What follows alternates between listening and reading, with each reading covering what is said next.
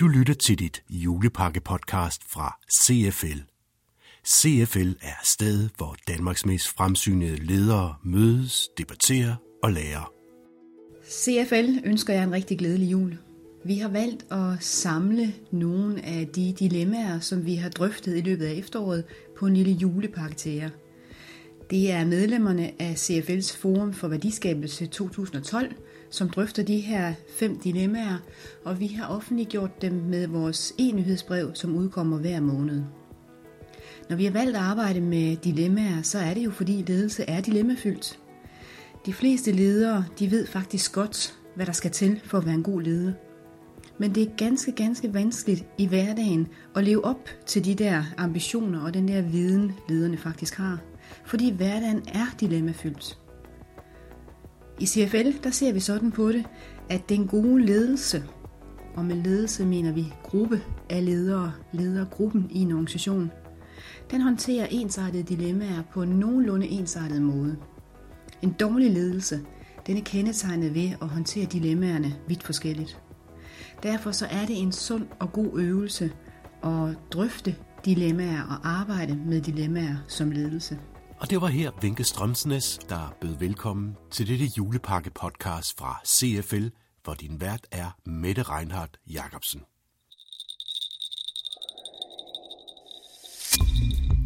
Kalenderlys og søde mørke juleøl og masser af juleshopping på nettet. Det er blevet december, og dermed slut på et travlt og produktivt år for CFL. Og der er også blevet sat lyd på nogle af aktiviteterne.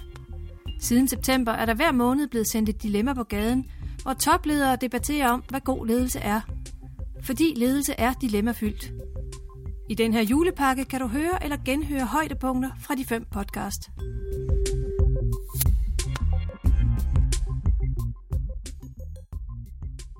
Vi er nu klar med det første dilemma. Da jeg kom til Danmark fra Frankrig, så havde jeg en tendens til at synes, at de der top-down beslutninger var de bedste. Dilemmaet her er jo, at det er præcis den kniptang, man står i. Man kan godt se, at behovet er der for at flytte sig, men man har også en erkendelse af, at det sandsynligvis kommer til at tage tid. Da jeg kom til Danmark, øh, fandt jeg ud af, øh, hvor flad en, en organisation kunne være, øh, og det faktisk er ret sjovt øh, at have folk med øh, omkring en øh, beslutning. Man kan ikke gå direkte fra beslutning til udførsel. Det handlede om modning af strategisk styring og om forandringsvillighed i virksomheden.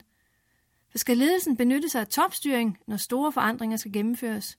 Eller skal medarbejderne involveres i processen? Det blev diskuteret af Claus Klintholm, underdirektør i DSB Kommerciel, Erik Urskov, direktør, og Sofie Hulgaard, administrerende direktør i Carlson Wagon Lead Travel. Du lytter til et CFL-podcast. Så jeg vil nok tage sådan en, en, en middelmodel, hvor jeg siger, jamen det er ingen tvivl om, det er mig, der tager ansvar. Jeg har ansvar som, som leder af den her virksomhed. Det er mig, der både tager ris og ros, hvis vi går den rigtige vej, eller et modsat.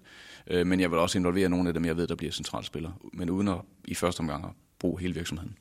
Jeg vil sige, at jeg er meget enig i sådan nogle af tingene. Øh, hurtigt træffe den beslutning, der er nødvendig at tage, men så brug en enorm masse tid på en forandringsledelse og en proces på at skabe forståelse for, hvorfor man skal, og aktivere organisationen, og så samtidig hele tiden være tæt på den forandring og holde fast i momentum på at få det til at ske. Jamen, vi har faktisk gjort det to, to gange nu. Vi er i gang med at bygge en ny strategi, øhm, og da vi gjorde det øh, første gang, i hvert fald, øh, siden jeg har været der øh, i 2009, øh, begyndte vi, så øh, var det meget fristende øh, for den topgruppe at sige, at øh, det er den måde, det skulle gøre, gøres på. Vi havde vores burning platform. Der var et behov for at samle folk omkring noget nyt. Øh, alle vidste det, så gik vi bare i gang, øh, og så øh, involverede vi faktisk meget få mennesker i starten. Øhm, og så prøvede vi øh, de næste tre år om at sprede vores gode idéer ned. Men det vil sige, starten var faktisk øh, meget topstyret. Og den her gang, når vi er i gang med at bygge nyt, så, så har vi lært lidt af det, og så øh, gør vi faktisk, øh, så, så bruger vi en pro- proces, som er lidt anderledes, hvor vi øh, nu involverer hele ledergruppen, og det er ledere og mellemledere i at definere, hvad der skal gøres, i at få dem til at acceptere de fire indsatsområder, som vi har defineret, og sørge for, at, øh, at de alle sammen er med hele vejen. Jeg har nogle erfaringer lidt omkring en, en variant på, på implementeringen. Øh, vi gjorde det i DSB for øh, det er et par år siden, vi afsluttede et program, vi kaldte Sporskifte, som vi havde kørt over tre år, øh, og som, som ligner lidt det, Sofie snakkede om, at det selvfølgelig startede i bestyrelsen og direktionen, som blev klar over, hvilke udfordringer det var, hvor man ville hen. Men øh, med, med kløgtige snille så fik vi gjort det, vi fik udpeget nogen, som vi kaldte the first followers. Øh, det vil sige personer, ikke nødvendigvis mellemledere, men folk, der sad på nogle interessante positioner i virksomheden, om man havde den rigtige mentalitet og kultur i forhold til at forstå, hvor det var, vi ville hen. Og som vi kunne se, at der ville være nogen, der ville være bruge, gode at bruge som agenter i det lokale miljø, de nu var, hvor de nu måtte være i virksomheden. Og vi kunne godt plukke dem ud, og det kunne se folk, der sad øh, to eller tre niveauer nede i organisationen, hvor vi jo, altså her var var nogen, der var kulturbærer for det, vi gerne ville.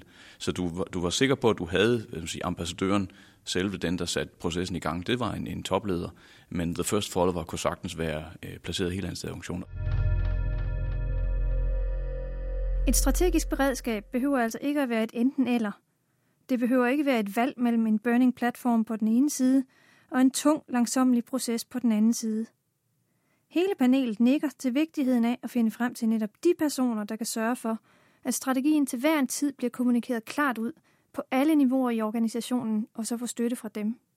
Det er vigtigt for alle medarbejdere til at forstå det store billede, og det skal vi høre Sofie Hulgaard fra Carlson Wagon lige komme med et eksempel på lige om lidt. Men først skal vi høre om at overvinde modstand mod forandring. Jo, men jeg oplever egentlig ikke nogen modstand mod, at øh, en ledelse tager en beslutning og viser, hvilken vej man skal. Øh, jeg oplever modstand, hvis man ikke forklarer, hvorfor og hvordan det så skal udøves.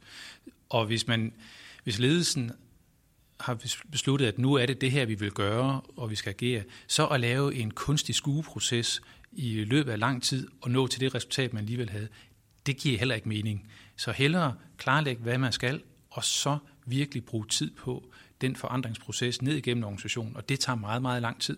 Jeg tror, vi øh, alle sammen på alle niveauer i virksomheden, bare ved at følge med i, hvad der har været i pressen, og virksomheder, der lige pludselig er opstået eller forsvundet lige så hurtigt, kan se, at, at man er nødt til at tage nogle kontante beslutninger, sådan et, et voldsomt udtryk, men i hvert fald træffe en, en radikal beslutning om at drive sin virksomhed i en anden retning, er nødvendigt, fordi ellers er det ikke sikkert, at man er her øh, om ganske kort tid, fordi den ene eller den anden præmis lige pludselig øh, bare har fjernet sig. Det kan være finansverden eller en teknologisk udfordring, eller hvad det nu måtte være det, det, det, kan, det kan ryste selv globale virksomheder helt i deres grundvold, hvis ikke man formår som topledelse at sige, at det her er vi nødt til at reagere på. Du lytter til et CFL-podcast. Sofie, nu nævnte du, at du har prøvet begge modeller. Du har prøvet både at tage beslutninger og så gå ud og eksekvere det, og nu en stor involvering. Mm. Hvorfor har I egentlig skiftet? Øh, er det fordi, du, du tidsmæssigt så giver det samme resultat, om du vælger den ene eller den anden model, eller hvad er baggrunden for det? Fordi det gik lidt galt på implementeringen. Jeg synes, jeg havde svært, vi havde svært faktisk ved at øh, implementere helt ned i organisationen. Og jeg synes, jeg kunne mærke, at folk havde svært ved at vise et engagement, ved at vise et ansvar over for vores kunder, som jeg har fortolket det som, at de ikke kendte det store billede, at de ikke havde en idé om, hvor vi skulle hen. Og det er derfor, de havde svært ved at tage en beslutning, som kom uden for deres afdeling eller deres område. Og derfor sagde jeg, at de skal informeres, de skal vide hele vejen, hvad vi går efter. Fordi når man har det store billede, så kan man tage ansvar. Det er min virksomhed. Jeg ved, hvad vi gør, og jeg ved, hvilken retning vi er på, på vej øhm, øh, hen til. Og derfor kan jeg sige undskyld, hvis jeg har lavet en fejl. Altså, jeg, jeg synes, at det, der er den allerstørste udfordring, det er at fastholde fokus og momentum på den strategi, man har besluttet.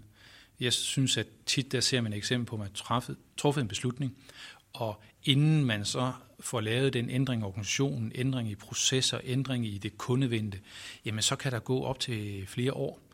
Og i den mellemliggende periode, hvor man arbejder på det forandringsprojekt, hvis man ikke bliver ved med at sige de samme ord, hold fast i kursen, jamen så bliver man slået ud af kursen. Ja, sådan lidt supplement dertil. Altså dilemmaet her er jo, at, at øh, man, det er præcis den kniptang, man står i. Man kan godt se, at behovet er der for at flytte sig, men man har også en erkendelse af, at det sandsynligvis kommer til at tage tid øh, og vi skal have alle folk med, og vi skal køre hele processen, hvis først vi starter.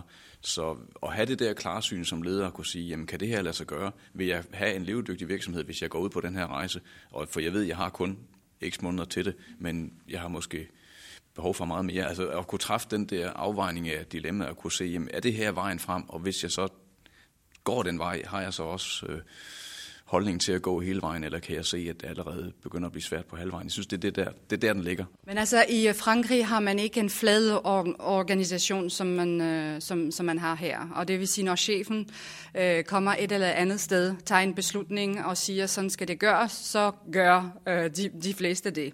Og så kan det godt være, at bag chefens ryg, så går man blå, blå, blå, blå, og så er man ikke enig, og så, øh, og så er det meget svært sandsynligvis at gennemføre nogle store beslutninger, fordi chefen har truffet beslutningen. Det er, det er også rart en gang imellem at være chef i Frankrig, må jeg sige, fordi man ikke behøver at forklare sig hele tiden.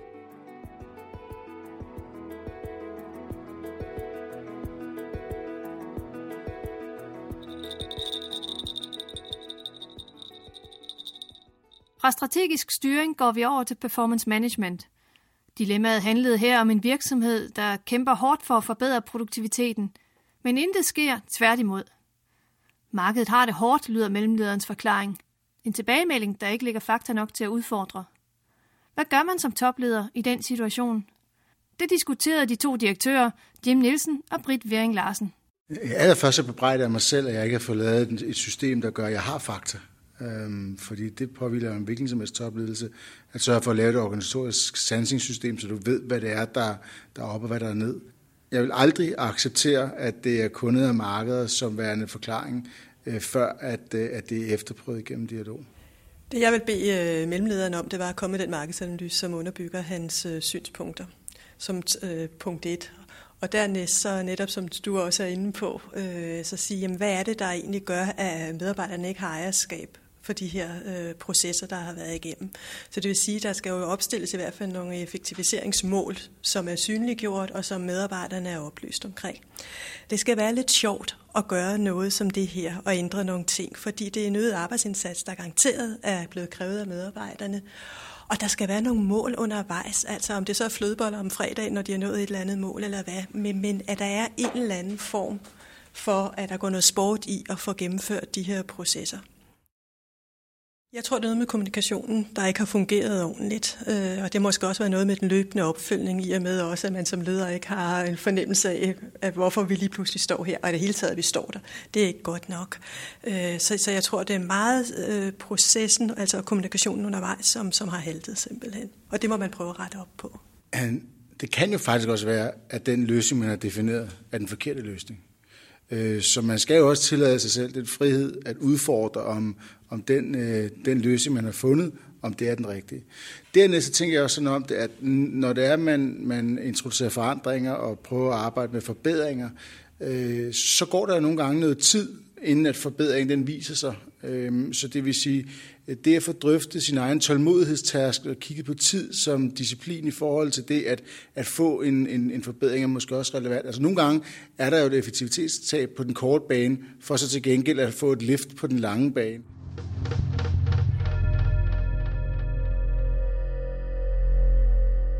Data, data, data. Deltagerne i panelet har som mantra altid at sørge for at have fakta, tal og markedsoplysninger på plads, for at kunne bevare og forsvare strategien indadtil i virksomheden. Og så kombinerer de hårde facts med god kommunikation om den ønskede kurs, så alle medarbejderne har for øje, hvor virksomheden skal bevæge sig hen og hvorfor. Men forandring er svært, og i det følgende fortæller Jim Nielsen, hvordan han som leder har lige så stor fokus på aflæring som på tillæring, når der skal tænkes i nye baner. Men først kommer han med et andet eksempel, der understreger vigtigheden af fakta frem for fornemmelse. Ham, der er administrerende direktør for Harris Entertainment, som er en af de største operatører af casino i USA, som blandt andet har Caesars Palace, øh, tidligere Harvard-professor, han er citeret for at sige, at der er tre årsager til, at du kan blive fyret hos Harris. Den ene er, hvis du stjæler, det vil man sgu ikke have, så rører du ud. Den anden er, hvis det er, du Øh, laver sexual harassment, går og tager pigerne på numsen, det vil vi heller ikke have. Og det tredje er, at hvis du tager beslutninger, som ikke baserer sig på fakta og på, øh, på evidens og på en, en model. Øh, og, og derfor, når vi fører dialog, øh, og når vi, når vi siger, at det er markedet, det er kunderne, så skal det bygges på, på noget, der er konkret. Øh, og, og som leder over for den medarbejder, så handler det også om at sanse om den medarbejder, om det er reelt det, eller om der er noget andet i spil. Altså, på et helt konkret plan, altså, der har jeg da prøvet at skulle introducere en, en ny øh, salgsproces og have medarbejdere til at arbejde på en ny måde. Øh, og, øh, og, og, og det har været vanskeligt, øh, og det handler meget om, at, at der er nogle kompetencer, der skal aflæres. Så det at lægge nogle vaner fra sig, øh, lægge nogle kompetencer fra sig, er sådan set lige så øh, vanskeligt som det at tillære sig noget nyt. Du lytter til et CFL-podcast. Nogle gange er kommunikation jo en vanskelig ting, og det kan godt være, at man synes, man har kommunikeret, hvad formålet er med en strategi, og hvor vi skal nå hen og så videre, men hvor man så opdager, at øh, det er ikke alle, der alligevel har forstået, hvad det er, altså hvor virksomheden er på vej hen. Så man skal gentage. Når det er, at vi ændrer ting, øh, så, øh, så, så påkalder det sig nogle gange en anden adfærd, at, at vi skal have mennesker til at gøre andre ting. og, og det, det kan jo involvere forskellige ting. Altså, det kan jo simpelthen være, at kompetencen ikke er til stede. Øh, det kan også være, at viljen ikke er til stede. Øh, det kan også være, at troen ikke er til stede. Øh, så på en eller anden måde skal man jo have skilt situationen ad, og så prøve at kigge på, hvad, hvad der er op og hvad der er ned. Ja, og så er det noget med at motivere den her mellemleder også, som jo måske også føler et eller andet sted, han har, har fejlet øh, på at sige, hvad kan vi så gøre nu øh, for at forvente den her udvikling. Det handler jo om at få samlet data ind om sine kunder, få samlet data ind om sine øh, processer, få samlet data ind omkring, hvordan man, øh, hvordan man arbejder osv. Så, så, så, så på en eller anden måde få løftet, løftet information frem og få lagt det til rette. En styringsmodel skal jo til højde for, at du har en, en informationsleverance, som, øh, som hele tiden gør, at du kan, du kan kalibrere om, om, om de forbedringer, du iværksætter, om de også øh, bevæger sig. I alt fem dilemmaer er udsendt i efteråret, og flere venter i 2013. Paul Blåbjerg fra CFL fortæller her, hvorfor lydmediet er så relevant for ledere på farten. Vi mener, det er en øh, god måde, når man er på farten i bil, fly og venter, og, og kunne øh, lytte til podcast. Vi mener, at de her budskaber er, er, er meget vigtige, og derfor vil vi bruge øh, de forskellige medier, som vi øh, vurderer øh, ledere i Danmark øh, benytter sig af, for at blive inspireret til at udvikle ledelsespraksis. Derfor har vi også valgt øh, podcast. Du lytter til dit julepakke-podcast fra CFL. CFL er sted, hvor Danmarks mest fremsynede ledere mødes, debatterer og lærer. CFL's podcast har haft rigtig mange lyttere. Hen ved 6.000 plays er det blevet til. Et af dem, der er blevet lyttet allermest til, handlede om nødvendigheden af at have mod til ledelse. Panelet diskuterede en konkret situation, hvor to meget dygtige, men også meget dominerende medarbejdere har skabt en hård kultur på en arbejdsplads. De to stjerner forhindrer en god dialog, og at de øvrige ansatte kommer ordentligt til ord. Hvad bør den gode leder gøre her? I panelet hørte vi Erik Bisgaard Madsen, prodekan på Københavns Universitet, Bo Dybkær, kommunikations- og HR-direktør ved Dansk Design Center, og Britt Viering Larsen, direktør. Der skal være plads til stjerner øh, på enhver arbejdsplads, men der skal ikke være plads til stjernenykker. Og øh, det vil sige, at man må tage en snak, det vil jeg gøre i hvert fald, med de to øh, stjerner, der nu har lidt problemer med arbejdsmiljøet, eller skaber problemer i arbejdsmiljøet og øh, rose deres øh, performance øh, og, og det, de har gjort godt for virksomheden, men også sige, at øh, der er en adfærd, fordi de nu er så dygtige, som de er, øh, som gør, at, at arbejdsmiljøet bliver presset, fordi andre ikke får lov til at komme til med de talenter, de nu engang har. Så det, jeg ville øh, bede dem om, det var, at, sammen med mig i hvert fald, at, at gøre noget for det her arbejdsklima, i og med, at de skal give noget mere plads øh, til de øvrige medarbejdere. Det skal være et krav simpelthen. Jeg tror, at en af de ting, som, som øh, folk de ikke bryder sig om, det er at få frataget noget. Og øh, derfor er det meget vigtigt, at man synes, at man griber det an på en måde, så man ikke fratager de her mennesker deres berettigede Øh, hvad hedder det, status som dem, der har fod på tingene, men måske giver dem noget mere, som kan bidrage til den positive stemning. Eksempelvis i sådan et tilfælde siger jeg, hvordan kan de lære fra sig, hvordan kan de fungere som mentorer eller lignende i forhold til de mindre erfarne eller mindre succesfulde medarbejdere. Og så på den måde gøre dem medansvarlige for, at, øh, at det samlede resultat af den lille øvelse, den faktisk bliver, at, øh, at hele teamet performer bedre, end, end de gjorde før. Man skal meget lytte til den. Altså det kræver meget, at man lægger ører til, øh, både til øh, hvad skal sige, dem, der har stjerne øh, status, måske dem, der har stjerne nykker, og lige så vel som man skal lytte til de andre. Det er vigtigt, at man får alle de der HV-spørgsmål stillet, inden man begynder sådan at øh, stille diagnoser og begynder at så sige, nu laver man indgreb ind i det her. Fordi den der respekt for, at man har forstået den problemstilling, som der rent faktisk kan være dybere og mere kompleks, end der som umiddelbart er lagt op til, den skal man sørge for, at øh, man er fanget, for ellers får man ikke deres respekt. Og så tror jeg, det handler om også, at, at man skal tage ansvar, ikke? Og, man skal, og man skal tage action. Øh, den slags konflikter, de har det med at køre i lang tid, før at, at der sker noget, og, og de får tit lov at køre så lang tid, så, så de truende konsekvenser bliver meget åbenbare. Fordi i sådan et tilfælde her, der er der jo selvfølgelig et ønske hos lederen om at fastholde de dygtige stjernemedarbejdere. Øhm, og det vil sige at, at, at give dem snor. På den anden side, så er der jo ingen i virksomheden, øh, i teamet eller hos lederen, som kan være tjent med, at de øvrige medarbejdere ikke får lov til at udvikle sig til at blive dygtigere. Så jeg tror, at det her med at handle er, er virkelig vigtigt, og det, og det er også vigtigt, tror jeg, i det her tilfælde, at ikke kun at tage en snak med stjernerne, men i høj grad at tage en snak med teamet og sige, jamen, altså vi har et fælles ansvar for, at det her det kommer til at fungere på en bedre måde.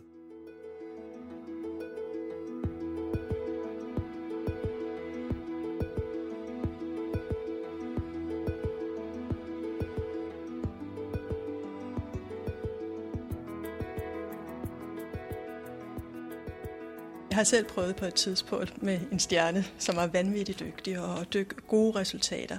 Og øh, hvor jeg, jeg tog snakken, og vi havde det op og vende også på personalemøde, øh, de problemer, der var, man kunne gøre det bedre. Og der endte det altså med i sidste ende, at der måtte jeg skære igennem og sige, at det her holder ikke, øh, fordi vedkommende kunne ikke ændre sig. Men har man mod på det, og vil man godt ændre sig, så, øh, så skal man i hvert fald have øh, muligheden og lidt tid til det.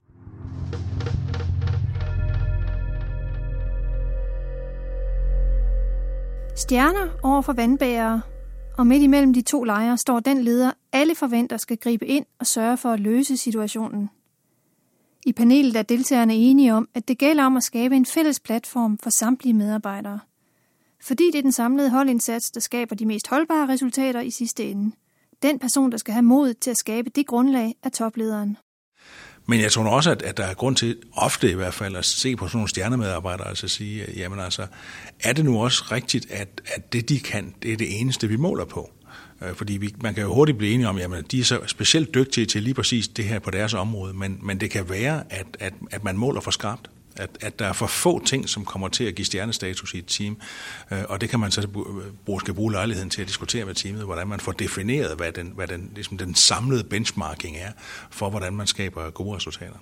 Øh, fordi det er det samlede team, der skal levere varen. Øh, de to medarbejdere kan jo ikke øh, levere hverken det hele eller det halve, og det vil sige, at man skal sørge for, at der bliver taget ansvar hele vejen rundt. Og hvis i værste fald det ikke kan lade sig gøre med de to stjerner, hvis de fylder for meget, eller den ene af dem fylder for meget, så må man også tage action på det og ture og så sige, jamen hvis ikke du kan ændre adfærd, så kan det være, at vi skal skilles. Du lytter til et CFL-podcast. Men det er klart, det kræver mod. Altså, det, det gør ledelse jo generelt, altså, fordi det kræver mod til at blande sig. Og, og, og det er jo det, er jo det, det, det hele handler om, lige præcis som du siger også, altså, at, at, at, at gribe ind på et tidligt tidspunkt, det kræver, at man, at man har mod til at blande sig på et tidspunkt, hvor det, det måske ikke er alle, der synes, der findes et problem. Øh, og og det, det er jo en af de grundvilkår, øh, der er som leder, at, øh, at man skal have den, det, det mod til at blande sig, og, og, og enten jævnføre ens mavefornemmelse eller jævnføre virksomhedens øh, ledelsesgrundlag, gribe ind når det, når det passer sig. Altså det, det vigtigste er, at man skal kigge på, man skal tage virksomhedens langsigtede tag. Altså det handler om, at virksomheden har en fremtid, at den kan udvikle sig i forhold til den strategi og så videre, man har lagt. Og det betyder, øh, hvad skal man sige, det samspil med medarbejderne og mellem medarbejderne, der mener jeg, der er det altafgørende. Altså den kaldte motorfunktion, sådan lidt negativt sagt, men den øh, funktion skal man sørge for at hele tiden at facilitere og optimere.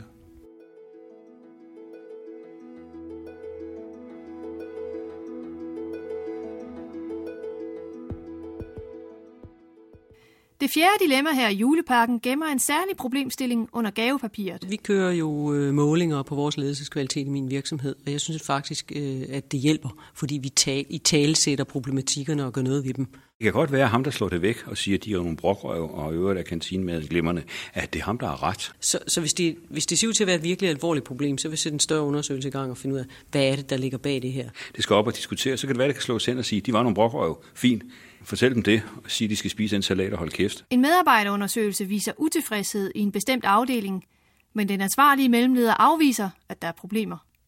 Her kan du høre Annette Skibsted, anlægschef i Energinet.dk, og Ibe Austrup, direktør i Center for Offentlig Kompetenceudvikling, der debatterede, hvordan de gode topledere kan håndtere den situation.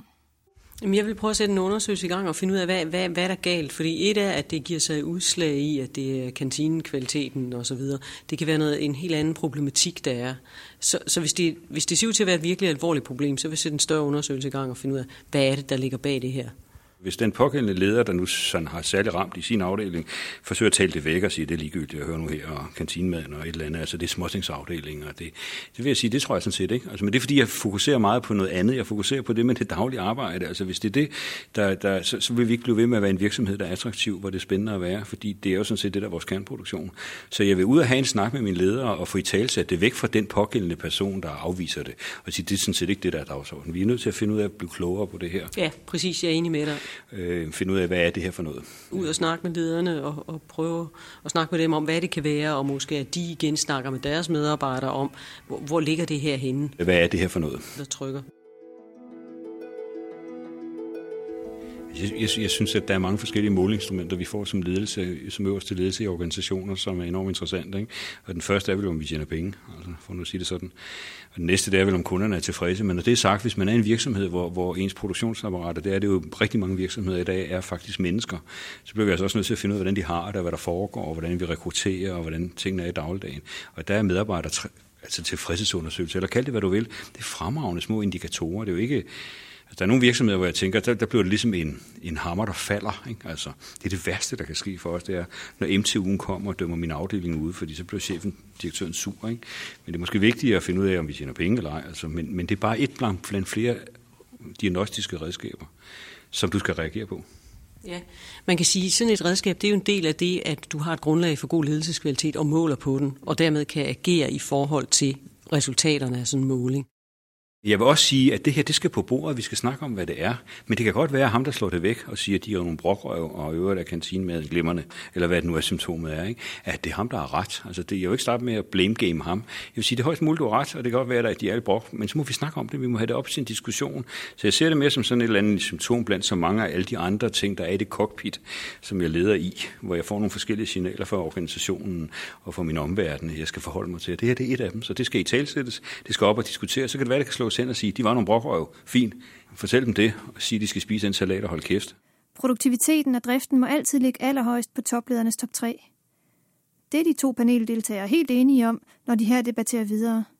Så lyt med og hør noget om cockpitledelse, om seletøj og om ugens geotine uanset de virksomheder, jeg sådan har været leder af igennem årene, altså, der er jo sådan en, det er sådan en behovspyramide, ikke? Altså, jeg mener, jo mere du forærer, ikke? Altså, jeg har været, været leder af virksomheder, hvor vi havde en, en af Danmarks bedste kantiner, og vi havde alle mulige ting. Vi fik gaver i størrelsesorden, alt hvad man kunne inden for skattefradragsregler, øh, ikke? Og jeg mener, og det virker sådan, at jo mere du giver det, jo mindre værdi har det altså i sig selv. Altså, så der er ikke noget lykke i ret meget af det. Altså, det, du kommer ikke udenom de problemer alligevel. Altså, du kan ikke forære dig ud af dem. Og, og det kan jo netop ofte være noget andet, end det, det giver sig, end det, de skriver, eller det, det giver sig udtryk i. Øh, og det, og det er det, man skal ind og snakke om. Altså jeg har, synes, jeg har haft nogle eksempler, hvor, hvor der i en, en medarbejdertilfredsundersøgelse slog ud i en enkelt afdeling eller en, en, en gruppe, som havde nogle meget dårlige resultater. Og hvor jeg tænker, det jeg bruger det til, det er at kunne nærmere ind og undersøge, at din, i den pågældende afdeling var det ikke, fordi lederen ikke var i en god dialog med sine medarbejdere, eller fordi de ikke var dygtige. Det var, de var sådan set dem, der havde de bedste resultater på en række andre mål. Men det var fordi, det var den afdeling, der var oppe i højeste gear i øjeblikket, og havde været igennem nogle meget alvorlige tilskæringer og en meget hård, øh, hvad kan man sige, personelhåndtering. Så de slog altså ret dårligt ud på personelmålene. Men nu er vi jo altså ikke sat i verden for at drive en personalarbejdsplads, bare for personalets egen skyld. Vi er sådan set sat i verden, de fleste af os, for at have nogle enten kunder eller klienter, eller hvad pokker vi nu har foran os, som vi skal ekspedere. Vi skal bare huske. Fuldstændig enig. Vi skal huske at holde os ledelsesgrundlaget øh, for øje hele tiden, når vi øh, øh, øger vores ledelseskvalitet. Hvad er det egentlig, der er vores udgangspunkt? Og det er jeg fuldstændig enig med dig. Du lytter til et CFL-podcast. Jeg, jeg synes, det er enormt vigtigt at have, altså jeg tænker meget på mit ledelsesarbejde, og har altid gjort det sådan som, som altså to billeder. Et, det ene der i den moderne verden her med al den teknologi, vi har, der hedder det cockpitledelse. Altså jeg sidder i mit cockpit og ser nogle forskellige ting, der svinger ud, og jeg skal se på de signaler som mit samlede organisme. Virksomheden er en organisme. Jeg måler dens temperatur og resultater på forskellige ting, og det skal jeg forholde mig til. I gamle dage ville jeg have kaldt det snortræk, og så ville jeg have sådan et billede af en masse heste foran mig. Det var vigtigt at have fat i, i tøjlerne på en god måde. Ikke? Altså, så man kunne mærke og mærke sin organisation organisation. Og der synes jeg, at vi i dag er privilegerede som ledere for det, vi får, hvis ellers vi gider arbejde ordentligt med det. En masse meget udmærkede instrumenter i hånden til at kunne måle på. Vi skal ikke overmåle, og vi skal heller ikke lade os tyrannisere mål. Vi skal bruge det som øh, indikatorer til øh, at pejle vores ledelse rigtigt. Og det synes jeg, det den her case handler om. Altså, jeg, jeg synes, der er en god effekt hos os omkring vores MTU-målinger og kigger på dem og laver handlingsplaner på dem. Der er sådan en meget positivt øh, tilgang til dem, og medarbejderne forholder sig også rigtig positivt til det. De kan se, at der sker noget jo. Jeg tror, det er fordi, at man i flere år har været meget fokuseret på, at, at når vi laver den her måling, så skal vi også gøre noget ved resultatet. Hvis resultatet er godt, jamen vi skal, vi skal synliggøre det selvfølgelig hele tiden, også over for medarbejderne, og inddrage medarbejderne i diskussionen om, hvordan kan vi så, hvordan kan vi så gøre det bedre hvilke ting skal der til, for at vi kan gøre det bedre. Så der, der er sådan stor tillid og åbenhed omkring vores øh, MTU-system. Vi kan nogle gange i talsætte det der med medarbejdertilfredsheden, så det bliver ugens eller månedens guillotine. Altså sådan har jeg været i nogle organisationer, nu kommer MTU'en, og vi har de dårligste tal. Jeg har oplevet det i en konkret afdeling for nogle tid siden. Og det var der sådan set god grund til, som jeg sagde før, fordi der var bare nogle andre ting, der var helt i top. Det er klart, at hvis den pågældende leder tre år i træk har rigtig dårlig MCU, og vi lever, lever af at lave en vidensproduktion, hvor medarbejderne er helt afgørende, så har han med med et problem. Men, men, men, men det er jo noget med at få nogle redskaber, der kan balancere ledelsestilgang.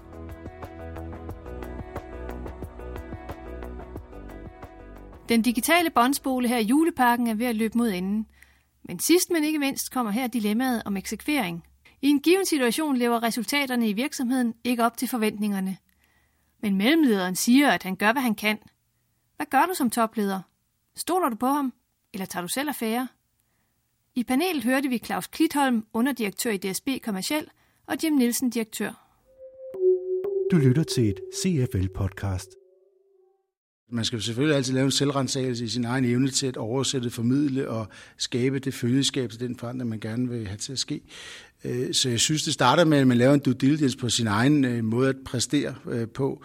Og så, når man har gjort det, jamen, så må man jo sikre sig, at, øh, at man vælger andre former, eller eller går i, i dialog med, med, med sin mellemleder? Jamen, jeg synes, det er meget klassisk, øh, fordi som, som, som leder, så har du også typisk det, at du, du, du starter med at arbejde på opgaven, og du har været i gang et stykke tid, og du har gravet dig ned i nogle detaljer, og du forstår alle sammenhænge osv., og så på et tidspunkt begynder du at kommunikere til dine nærmeste, som så man glemmer har det der forskydning i tid. De, de skal simpelthen lige på omgangshøjde, så de forstår jo ikke alle detaljerne og kan se sammenhæng i det, mindre man som Jim er inde på, gør det meget eksplicit i sin kommunikation. Så jeg synes, det er en klassiker. Vi ser den ofte, fordi vi har fokuseret på opgaven og gerne vil videre, og så, og så glemmer man lidt, at der er den her forskydning i, i tid hvor, hvor man simpelthen er nødt til at, at gøre sig en lille smule mere øh, umage ud af at forklare, hvorfor vi nu er der, vi er. Jeg tror også, det kan handle om, at, at der kan være forskellige interesser og forskellige hensyn, som der ligger øh, hos mellemlederen.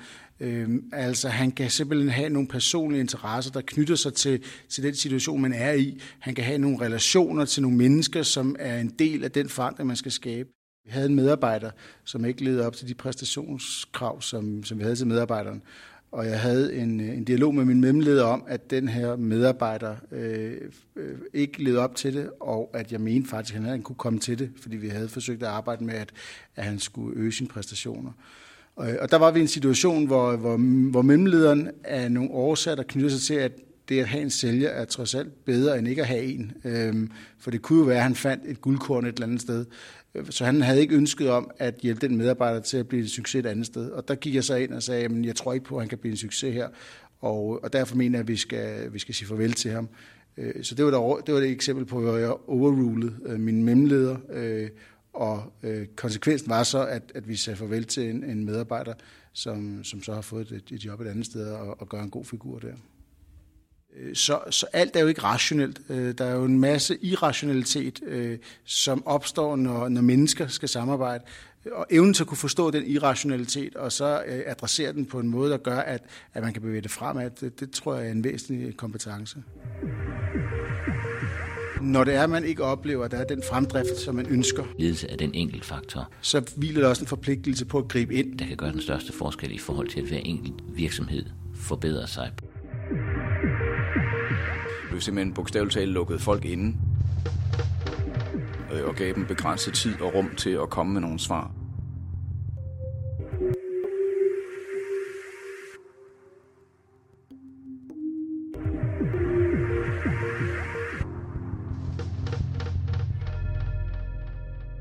En virksomhed er et kredsløb, og toplederen har ansvaret for at gribe ind, hvis der er knas på ledningen. Claus Klitholm fortæller lige om lidt, hvordan de hos DSB løser det problem ved at putte medarbejderne i en sort boks. Men først skal vi høre Jim Nielsen fortælle om, hvordan god ledelse handler om at have alle sanser åbne. Jeg synes, det handler om at skabe et organisatorisk sansapparat. Øh, det handler om at øh, omgive sig med, øh, med fakta, og det vil sige, at hele tiden er i, i overensstemmelse med, hvordan virksomheden udvikler sig. Og så synes jeg, der knytter sig et risikomoment til det, så, så de beslutninger eller initiativer, som vi står med, øh, hvor risikofyldte er de, og hvor reversible er de, eller irreversible er de. Du lytter til et CFL-podcast.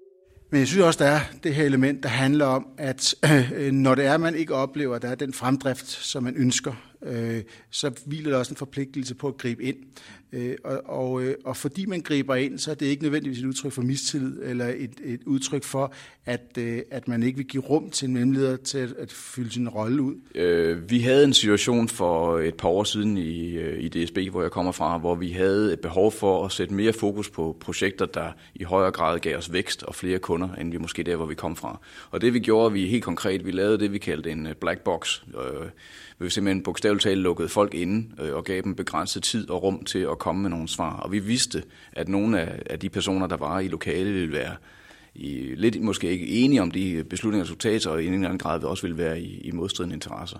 Men vi, vi, vi satte simpelthen det pres for os selv, at vi skulle have fundet nogle løsninger øh, inden for relativt kort tid. Øh, og og det, det, at man, man gav folk opgaven, men også gav dem en klar ramme at arbejde inden for, og sagde, I får opgaven, men I skal, I skal løbe op til de her kriterier, gjorde, at de faktisk ubevidst, og uden at man måske rationelt fik argumenterne på plads, kom frem til en enighed omkring, hvad det var, man prioriterer, og dermed også en enighed om, hvad det var, man skulle vælge fra, selvom der var nogen i lokalet, der så måtte gå derfra, velvidende at deres projekter nok ikke øh, ville komme til at leve ret meget længere. 2012's dilemma er slut, men vi vender tilbage i det nye år med mere debat og diskussion af, hvad god ledelse er, og hvordan den kommer til udtryk i danske virksomheder. Forum for værdiskabelse i CFL eksisterer, fordi vi i Danmark står med nogle meget store produktivitetsudfordringer. Der findes ikke en klar viden om, hvorfor vi i Danmark faktisk skaber mindre værdi, vi går på arbejde, sammenlignet med andre lande, når vi beregner det på den samme metode. Vores fokus er ikke at finde svaret på det. Vores fokus er at sige, hvad er det ledelser kan gøre for at sikre en bedre produktivitet i Danmark. Og når vi sikrer en bedre produktivitet, hvordan skaber vi så værdi med den viden?